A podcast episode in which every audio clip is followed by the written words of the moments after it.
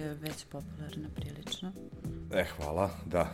Pa to, kažem, desilo se. Ovaj, žanr je naučna fantastika i onda na, na, u ovom našem podneblju eto tako, nis, nije baš bilo nekih pre nego što sam objavio knjigu, baš kao, e, to uradi, to je super ideja.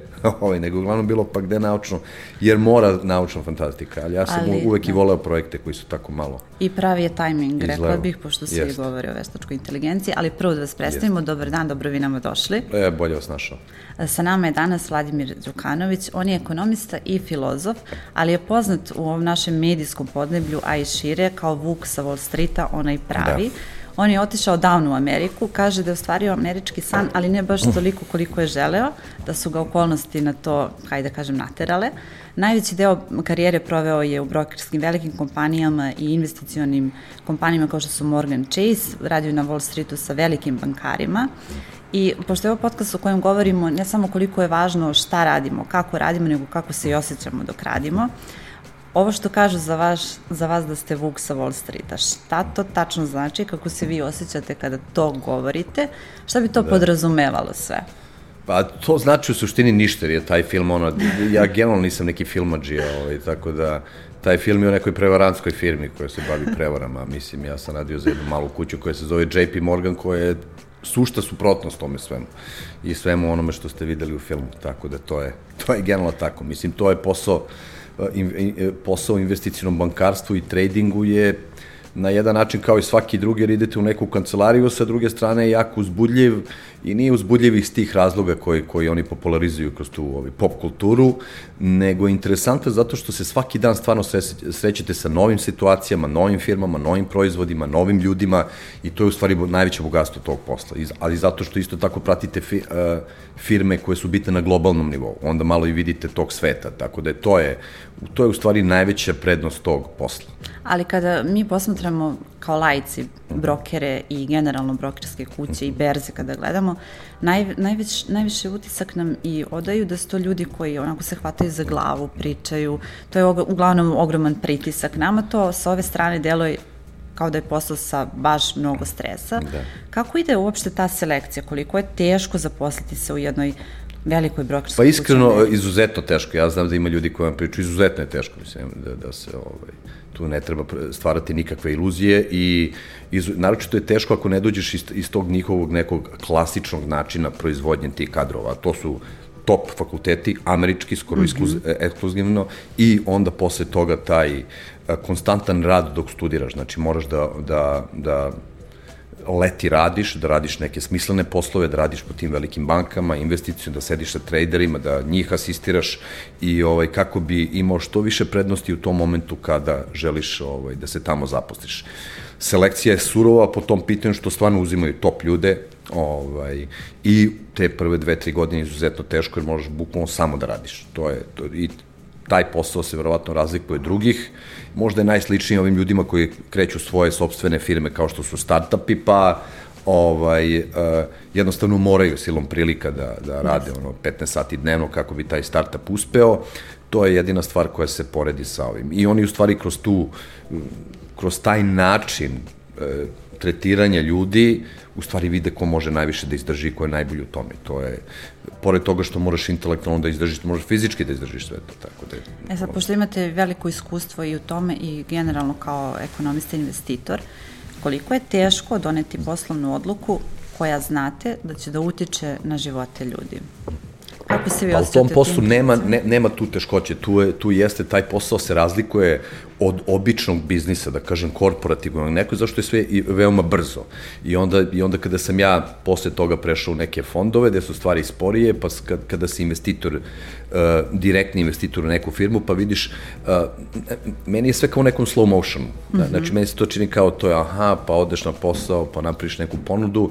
Je velika razlika sa Vositom što si ti morao 15 takvih odluka dnevno da doneseš. Nema tu, ne, nema tu razmišljanja. Znači, I velika prednost se daje ljudima koji mogu brzo da donose odluke. Znači, ljudi, prva je jedan od osnovnih principa kako otpadneš je to je ljudi, ogrom, tek sam tada shvatio, ogroman broj ljudi su, ja imaju veliki problem da naprave odluku Ovaj, za, zašto? Zato što gledaju neke rizike pozadi i onda se, što kažu, često se ljudi zamrznu ko, ono, ko tele u šarena vrata i nema odluke, ne znam, a ti da. nekada moraš brzo, ajmo, da. ajmo samo brzo, zato što jedno, ne, jednostavno nemaš vremena. To, u, u tih sledećih 15 minuta zatvara se tržište ili uradiš to tada ili nikada. Ne, ne. Tako da to su, to je velika razlika. I onda naučiš i nema tu razmišljanja šta će I sad ovaj, pretpostavljam da naravno veći deo jeste uspeh, ali šta kada se desi onaj moment neuspeha, neuspeha i kada shvatite da to nešto što ste, na čemu ste radili nije prošlo. Inače, ovo je pitanje sa chatbota da. i ujedno da kažem ovaj, izvanično vaša knjiga Blistanje koju ste nedavno predstavili, između ostalo govori o veštačkoj inteligenciji. Jest. Pa, pa znaš kako ti je neuspesi Uh, ti ako, kada, kada shvatiš trading sa tog nekog matematičkog aspekta, znači uh, uspešni traderi imaju jako mnogo kapitala iza sebe, ovaj, klijentovih, svojih i tako dalje. I potrebno je da budeš u pravu 51% samo. Pa, a da li... I znači na svakih, znači imaš 51 uspeha, imaš 49 uspe, neuspeha. I ovaj, ako, kako se zove, i, i u tom poslu, ako nisi spreman na to, i kažem, a to je deo toga da ne možeš da napraviš ovaj brzo odluku i tu se nešto upetljaš, nešto emotivno, tu nema ništa od toga. Zato što jednostavno ti, kažem, veliki trader mora da bude u pravu samo 51%. Znači, da praktično da drži, ovaj, da drži banku kod sebe i na velike staze sa mnogo trejdova i sa mnogo velikim kapitalom napravit ćeš ogroman novac. E, tu je razlika izme, u tom poslu poslu uh, i zato moraš da praviš odluke non stop, konstantno i jednostavno da imaš mnogo neuspeha sa jedne strane. Kada govorimo sad, uh, kažu neki da je zbog toga možda berza na neki način kocka. Ovde u Srbiji tržište kapitala pa da. uopšte nije razvijeno. Pa vidi, je, jeste kocka, ali ako si vlasnik kladionice. Šta je bolje? Da budeš onaj koji ulaze u kladionicu da se kladiš ili da budeš vlasnik kladionice? Vlasnik, naravno. Pa vlasnik. E, Volsit svi ti investicijni fondovi, svi ti traderi, njih gledaš kao vlasnika kladionice, a ove ostale materije gledaš kao ljude koji su ovaj, ušli. I, a ko je, i ko je druga stvar? Mislim, kladionica svaki put kad se ubaci taj pool neki, ovaj, uh, za klađenje, to je neki zero sum game. Tu nema, tu neko izgubi, neko pobedi i tako dalje.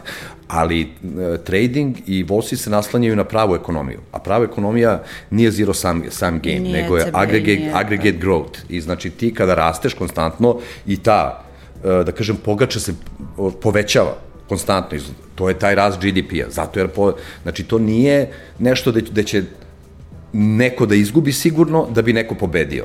U tom rastu ti je skoro osigurano da će, da će kasa biti na tvojoj strani, to je da ćeš imati više od 51% uspeha. Jer, kažem, ako jedna ekonomija raste samo 3%, to je znači o, osnova je ove godine 100, sledeće 103%. Znači, pa u tih 5 tu je pravi biznis, tu treba gurati pare, tu treba investirati. Tako da je to, ko, kažem, uh, izuzetno je bitno da imaš matematički mozak kada odeš tamo, zato što je to, sve to u suštini jednostavna matematika, ali moraš da budeš dobar matematičar kako bi ti instinktivno kapirao te, te stvari, kao što su compounding, na primjer. Evo vidim da je, da je najveća kontroverza oko mojih izjava zato što bukvalno pola Srbije ne može da skonta šta je kamata na kamatu i koliko da, je moćan taj, taj koncept. Račun, da, da, da. Koliko je mo, moćan taj koncept. Ja, ja, ja se uvek šalim, evo, evo ja tebi kažem, e, januar je mesec i ja ti dam 100 miliona dolara. Ili ti dam 1 dolar, ali imaš pravo da ga dupliraš svakoga dana u januaru samo. Šta bi ti uzelo? Pa ja volim malo da se igram s berzom, moram da. da priznam da malo i fondove ovaj, pratim i da ulažem. Ne, nema ovde berze, o, ovo je jednostavno matematičko pitanje. Znači ja ti dam 100 miliona dolara ili ti dam samo 1 dolar ali imaš pravo da ga tokom meseca uslovima... januara dupliraš, ali ne, si, o, sigurno je, znači, ovim... neko će ti dati duplo svaki dan do 31. Ako mi, ako, pošto ja mal, onako sam sumnjičava, ja bih da. uzela da, da je svakog januara već, zanima me šta bih dobila da. na kraju. Dobila bi milijardu i 70 miliona. Eto, to je razlika. Prosta je, prosta je računica. Znači, zato je da. to kada, kada jednostavno dupliraš, svakoga dana 31 dan, 1 dolar, ta 1 dolar postane preko milijardu.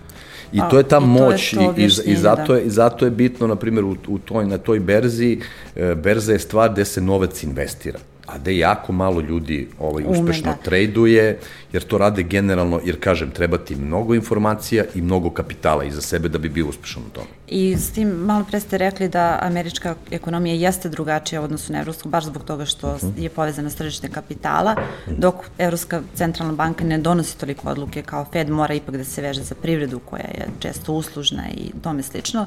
Samim tim i mi smo nekako vezani više za ovu, ali mi je nekada žao što naši ljudi nemaju mogućnost da investiraju kao na primjer u Americi, imaju naloge, znam, verovatno ste vi upućeni, Jest. mogu privatni, privatna lica bilo kada, bilo gde ulažu, ovde ipak moramo da imamo posrednike, često pa uvek, vidi, uvek možeš da imaš posrednika, znači ti da bi izašao na berzu ti u Americi ti treba broker, ne može bez brokera, znači jer ali broker je licencira. Ali su nekako ti nalozi da. dostupniji nego ovde? Jesu, iskreno dostupno i ovde. Nije sad, evo, e, sutra ti možeš sutra ujutru da odeš i ovaj, u Iliriku, na primjer, brokersku kuću, ja te ljude znam, odeš tamo, otvoriš brokerski račun za dan. Nalog, na primjer, uh, da. Apsolutno, ali... i krećeš, čak imaš pristup nekim stranim berzama, to je sada zbog ovde načina kako naše, kako naše kapitalno tržište funkcioniše, skupo raditi odavde, ali isto tako imaš pravo da otvoriš nalog ovaj, u Americi ili bilo gde drugde i da odande investiraš novac. I trguju, novac. neki određeni naši građani trguju, Jeste, naročito da. popularnim kompanijama, ali zapravo moje pitanje je da li vi verujete da ovde ima dobrih tradera i da će ne moći u nekom nikad, trenutku da se razdrma. Da ne može ne. da bude dobrih tradera zato što nema ljudi sa dovoljno kapitala da bi tradovao.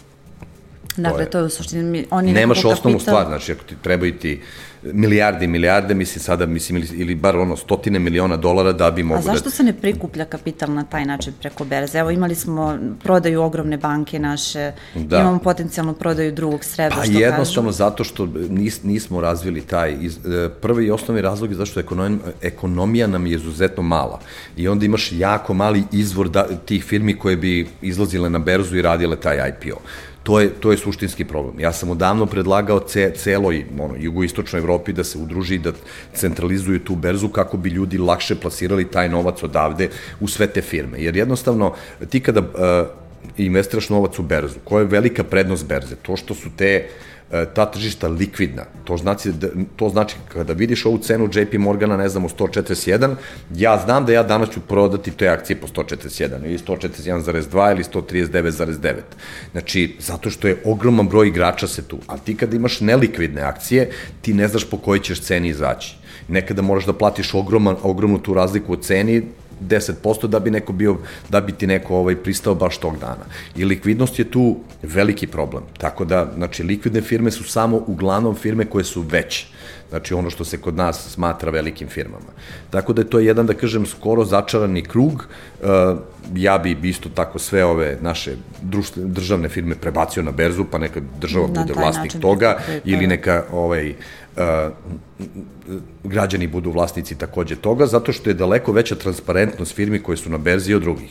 Jer tebi svaka berza, pa i naša Postoji domaća berza, da. znači imaš daleko više uslova kako, kako moraš da pratiš računovodstvo, kako moraš da izveštavaš o finansijskim uspesima i neuspesima i kako to, znači moraš u, od, u određenim periodima to da izbacuješ javno da svako vidi. Naravno, znači, i to da bi prate svako... regulatorna tijela I to naravno, strana, da. to nekim ovde odgovara, nekima, boga mi nije ne odgovara, zato što tada mno, mnogo je teže da muljaš, mnogo je teže da, da radiš korup, da nemeštaš tendere i tako te sve stvari. Tako da je, da je to velika stvar, tako da ja nisam nešto ovaj... ovaj A niste, uh, niste uvereni da će biti neka skoro inicijalna javna ponda, malo pre ste pomenuli. Pa evo, sada je borba da se EPS izbaci na berzu, evo, to je sad pola Srbije se diglo da je to, ne, da je to veliki zločin. Da je to možda da, veliko, To je da. mentalitet da. jednostavno, mi smo.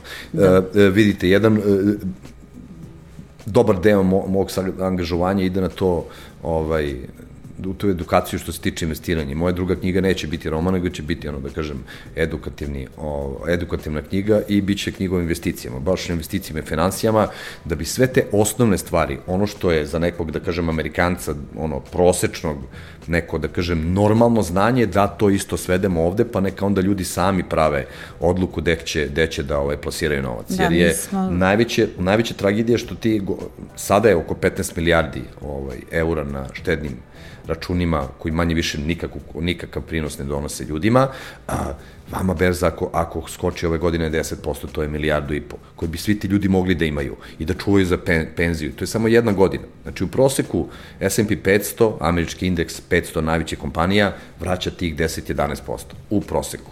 Pa ja I znači, cela naša da... država gubi taj novac, jer ti ljudi koji investiraju zbog penzije, isti taj novac će da, da vrate i taj novac će da troše ovde u penziji, bit će daleko sigurniji i zadovoljniji. A sa druge strane, sasvim je okej okay da, ne znam, odemo u Italiju, u Nemačku, u Španiju i da tamo uh, ne znam, pijemo proseka i o, ostale gluposti i da sve te pare ostavimo tamo. Ali je ovde drama i dalje ovim, ovim polukomunistima da neko odnese kao i, i kupi Apple akcije. Da, da, da. da bi, imao, da bi jednoga dana od, od oplodio, da bi posle 30 godina oplodio taj novac, imao daleko više novca u toj penziji nego što naši ljudi imaju. I to je ono što je tragično kod nas, što smo stalno u tom začaranom krugu neobrazovanja. Jednostavno nismo obrazovani u tom nismo segmentu uopšte, i to je to je mi smo na bukvalno na nekoj skali od od 0 do 100 mi smo na 6. Mene malo teše što su strane kompanije koje ovde posluju počeli svojim radnicima da daju akcije firme i da oni stvarno vide da. na, na ličnom primjeru što znači kad Baš si vlasnik tako. neke kompanije, pa sam da ću to malo da razdrma i našu verziju, ajde, yes. možda, možda povuče nogu. Da se vrati malo još na vas, kada, kada govorimo o vama lično, imate dosta nekih biznisa koje ste delegirali. Sad, da li je u tome uspeh kupiti slobodno vrijeme? Šta danas to znači? Da li pa sve treba zavisi tome težiti? Ko, da, sve zavisi kakav, ovaj, koju ambiciju imaš, znaš. Ja sam jednostavno imao ambiciju da, da stvorim neki kapital i da drugi deo svog života posvetim nečem drugom, konkretno danas pisanju, znači mene danas pisanje zanima, ovaj, bavim se savjetovanjem raznih firmi ovde, ovde na Balkanu, koje generalno imaju ambiciju da izađu na neko globalno tržište ili da se dalje edukuju u tom nekom finansijskom smislu. I u tome uživam, to je, mislim, ono, to je, to je, što kaže, ono znanje koje ja imam, što kažu, u malom prstu i a nije mi problem da ga ovaj da ga prenesem i da I tu da nekam pravim neku dramu od toga pošto je to kada kada čo, ja kažem svako može da postane investicioni ekspert za godinu dana. Ako se posvetiš tome ako se posvetiš učenju ako se posvetiš znači kao nekom, da kažem, ne baš fakultetu od četiri godine, ali jednostavno ako se debelo posvetiš tome za godinu dana ćeš biti dovoljan ekspert da tačno znaš koliko ćeš novca za 30-40 godina imati na svom računu kada se penzionišeš a da ovaj, ne zavisiš naravno od državne penzije za koju svi znamo da je, da je, I pitanje da je da tragična. Imati, da. da. A da. da li je moguće u Srbiji, kad sad gledate sa strane, radili ste i tamo i ovde, da li je moguće napraviti tako radno vrijeme, da zaista upravljate svojim vremenom, da odlučujete kada radite, koliko... Pa vidite, apsolutno je moguće kako nije moguće. E sada koliko je neko, vidi koliko je neko sposoban i koliko si se, uh, koliko si radio u mladosti. To je ono, to ono, ja sam jako mnogo radio u mladosti. Kad sam bio jako mlad, ja sam jako mnogo radio. I to je velika, znači to je osnovna razlika između mene i nekog, neku prosečnu osobu koju ja sretnem, koja je tako, tako. Znači ja sam jednostavno mnogo dugo rintao, to je trajalo 20 godina i to je, da kažem, ovaj, i bio neki moj plan, ovaj, da dođem do tog nekoga, da jednostavno da operativno više nemam posla. Ja operativno nemam posla, znači nema, nema, nemam gde da odem preko dana da mi je bitno. Odem tamo gde mi se sviđa. Ali poslove radi, rade za vas, da. a kada govorimo o burnoutu, verovatno ste vi, naročito kakve ste sve poslove radili, imali, kako ste izlazili iz tih situacija, da li možete da podelite sa nama možda neki period kada vam je baš bilo teško, kada ste ostali da sagorevate u tom svom poslu i ono što me dodatno samo bih uvezala, pošto ste pisac, da li pisac pisci imaju stres? Kako to izgleda?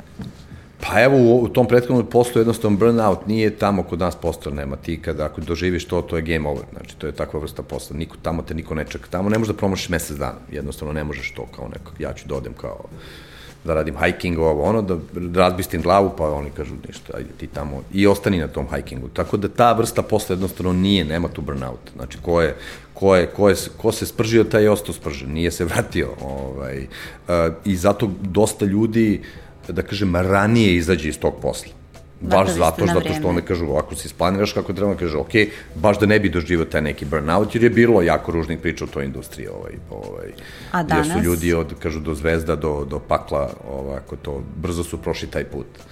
Ovaj, a danas jednostavno što se tiče pisanja, vidi, meni je pisanje veliko uživanje, ja tu ne, ne mislim, stvarno bi lagao kad bi rekao da imam neki stres, to je, ovaj, možda neki ljudi koji to, tome pri, ovaj, prilaze na neki ovaj, drugi način ili ako im je to sada, ne znam, posao, uh, vidi, ja imam blog koji je sada stvarno dosta čitan, ali ja nemam obavezu sada u petak da izbacim to. to. Naravno, ne, nego ja mogu i da promošim da. i da to izbacim utorak. I dobro, to mi jeste, imam par kritičara kao, ej, kao kad bi bio malo redovniji, to bi bilo bolje. Ovaj, ali sa te strane, sve zavisi, kažem ti, neko, neko želi da radi, da, da razvija biznis do poslednjih dana u svom životu, razumeš, i to da, da radi 10-12 sati, ja znam mnoge ljude koji su takvi, super, svaka čast. Rado ja se, ja se ovaj, jednostavno divim takvim ljudima i, i koji jednostavno imaju tu jednu dimenziju da se bave time i to je super, to je, ovaj, kada, to je pametno. A kada govorimo, e, sad evo da, da se vratim malo na, na tu, još jedno filozofsko pitanje, e, isto ste, prošli ste različite industrije, da li biste nešto sada radili bez novca? Da li je novac uopšte, znamo svi moramo da radimo da bismo imali... Pa pišem blog bez, bez novca, eto. Dobro, Nikome ne plaća, da. to je do, od mene dovoljno.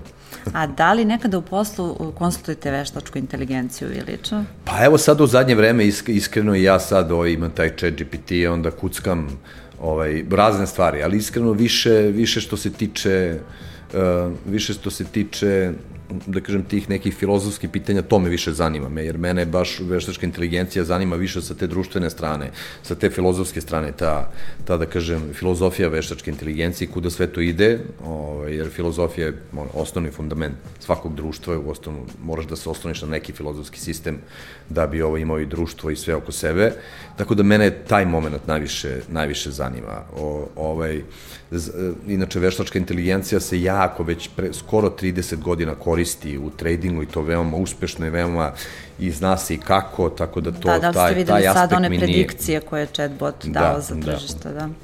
Da, pa vidjet ćemo, mnogi, znaš kako ja sam upoznao mnoge, mnoge analitičare ovaj, i osnovna stvar je da ti, jer cena tih akcija danas je reflekcija te kompanije u budućnosti, to je čitava poenta i ti stvarno moraš, najveći uspeh imaju ljudi koji predvide uh, kojim koracima će i kuda će ići ta kompanija. Pa, znači, kao i sve u tako životu. Tako da vidjet ćemo da će veštačka i kada će veštačka. Ja sam siguran da takve vrste poslova će baš raditi veštačka inteligencija, da za 10, 15, 20 godina neće postojati ni portfolio menadžeri, ni traderi, zato što jednostavno količina informacije koju oni mogu da sažvaću ovaj, je daleko veća. Tako da će se verovatno i ta, ja se nadam da će se ta, pored ovih ovaj, konkretno rizika o, kojim, o kojima svi pričamo, da pričamo malo i o pozitivnim stvarima, veštačka inteligencija stvarno može da napravi čudo u toj, da kažem, e, alokaciji kapitala.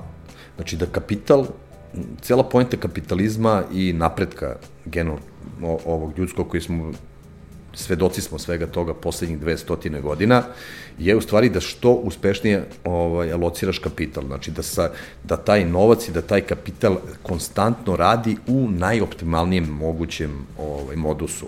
To naravno kada, kada mi ljudi, kao ljudi ovaj, upravljamo firmama, to nikada nikada ne može ozbiljno se pri, da se približi tom optimumu, jer jednostavno ljudi su ograničeni. Koliko god smo mi ubacivali, izvini, i digitrone, i kompjutere, uh -huh. i mhm. razne stvari, sve su to bila pomagala koje su onako lagano, marginalno ovaj, išla ka tom optimumu. Ja se nadam da će veštačka inteligencija svojim eksponencijalnim rastom da dođe do tog optimuma. Šta to znači? Pa znači da će firme biti daleko produktivnije, da će praviti daleko više kapitala, da će to ovaj uspeti da urade sa manje rizika, da ćemo ovaj životnu okolinu spasiti u tom čitavom procesu i daljem ekonomskom rastu. Tako da ja ne vidim ljude ozbiljnu ulogu ljudi za par decenija u tome, nego vidim da će baš veštačka inteligencija raditi kako, kako bi se, jer onda život stvarno, da kažem, za ljude može da bude, možemo stvarno da, da, da, vidimo, da doživimo moment kada neće biti ekstremnog siromaštva, kada ćemo biti fokusirani, da kažem, na te bolje poslove, na interesantnije stvari, na ono što nam se stvarno radi to ste mi lepo rekli, nisam htela da vas preknem, to je ujedno bilo moje sledeće pitanje, da li treba da se plašimo tih promena i kako ljudima objasniti da sve što dolazi, a tiče se tehnologije, ne mora nužno da bude neka opasnost, kako da iskoristimo da, da pa bude... mislim, sva tehnologija koju mi vidimo oko sebe ne da nije bila opasnost, nego je na neverovatan način promenila e, e, naš život. Znači, mi živimo fantastičnim životima u poređenju sa ovaj, našim precima od pre 200, 300, 400 godina. E, tako da tu e, opasnost od e, tehnologije dolazi od onih ekstremnih aspekata kada mi iskoristimo, na primjer, tehnologiju i, i da bi razvili ovaj, oružje koje je ubitačnije i kada stvorimo nuklearnu energiju s jedne strane za energiju, a onda napravimo i strašno oružje od toga, onda to su jasni, jasne ovaj, indicije da su ljudi imaju taj isto zao moment u sebi, taj nemoralan moment u sebi i da moramo da se čuvamo toga. Najveći problem veštačke inteligencije danas je manjak regulative. I to je ono što mene brine. Ove, ovaj, tako da svi ovi pozitivne stvari koje mi očekujemo, zato i razvijamo tehnologiju, uh, se, ja mislim, i podrazumevaju, jer šta, šta mislim, ne, e, čemu uh, ova rasveta ako ne može da osvetli ovu sobu? Jer jasne, tako, znači, jasne. ona je nepotrebna, znači, on, funkcija rasvete je da osvetli ovu sobu, osvetimo sobu, super, imamo funkciju te tehnologije. Isto veštačka inteligencija je tu da nam udalje napreduje život, kako u medicini, ishrani, uh, svim drugim aspektima života. Ali ako, do, ako dođemo do toga da ta, a, da ili određen broj ljudi ili sama veštačka inteligencija, pošto je inteligencija, se okrene protiv interesa čoveka i čovečanstva, to je ovaj je, ono to je problem. sad upozorava Maski da, da, i slični. Yes. Pa Elon Musk baš upozorava, evo juče ovaj slušam neke Sateli danas neki pokret. da neki ovaj uh, uh,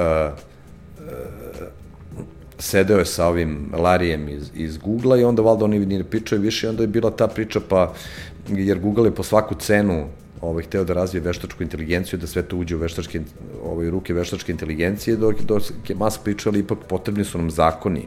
Da znaš kako ti kad sedeš u automobil, jasni su ti zakoni koje moraš da pratiš. Moraš da imaš dozvolu, sve moraš to da naučiš, moraš da znaš šta je semafor, šta je ovaj znak, šta je onaj, možeš da daš migavac, moraš da propustiš ljude na pešačkom to su sve zakonske regulative koje mi imamo da bi se osjećali sigurno iza, I ono što iza se sve više volana. pominje, to su zašta ličnih podataka, evo Italija Kako baš. Kako da ne, pa to, pa ide ti sada zaštita toga, ide, ide, ovaj, ide, ide deep fake, slike, videa raznih ljudi koji govore lažne stvari. Mi smo klonirali glasove u redakciji, Ma da, da, da, to je sada igrali, i vidi, da. to će ljudi koji odluče da to zloupotrebe, to će biti jedan ozbiljan pakao.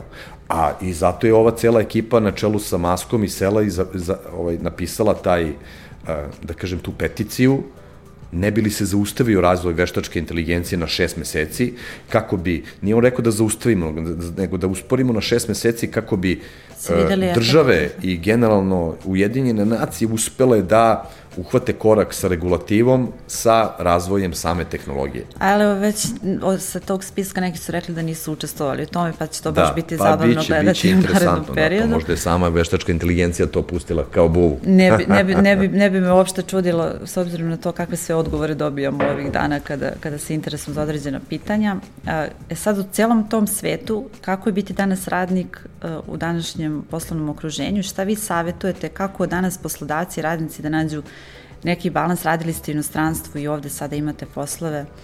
Pa znate kako, ovaj, kako, naći, kako naći balans, to je, to je uvek veliko pitanje, to, to je ja po meni individualno pitanje, jer kažem, postoje ljudi koji bukvalno, kad kažemo radoholici, koji bi da rade po 15 sati dnevno i ok, postoje ljudi koji nisu baš na toj strani.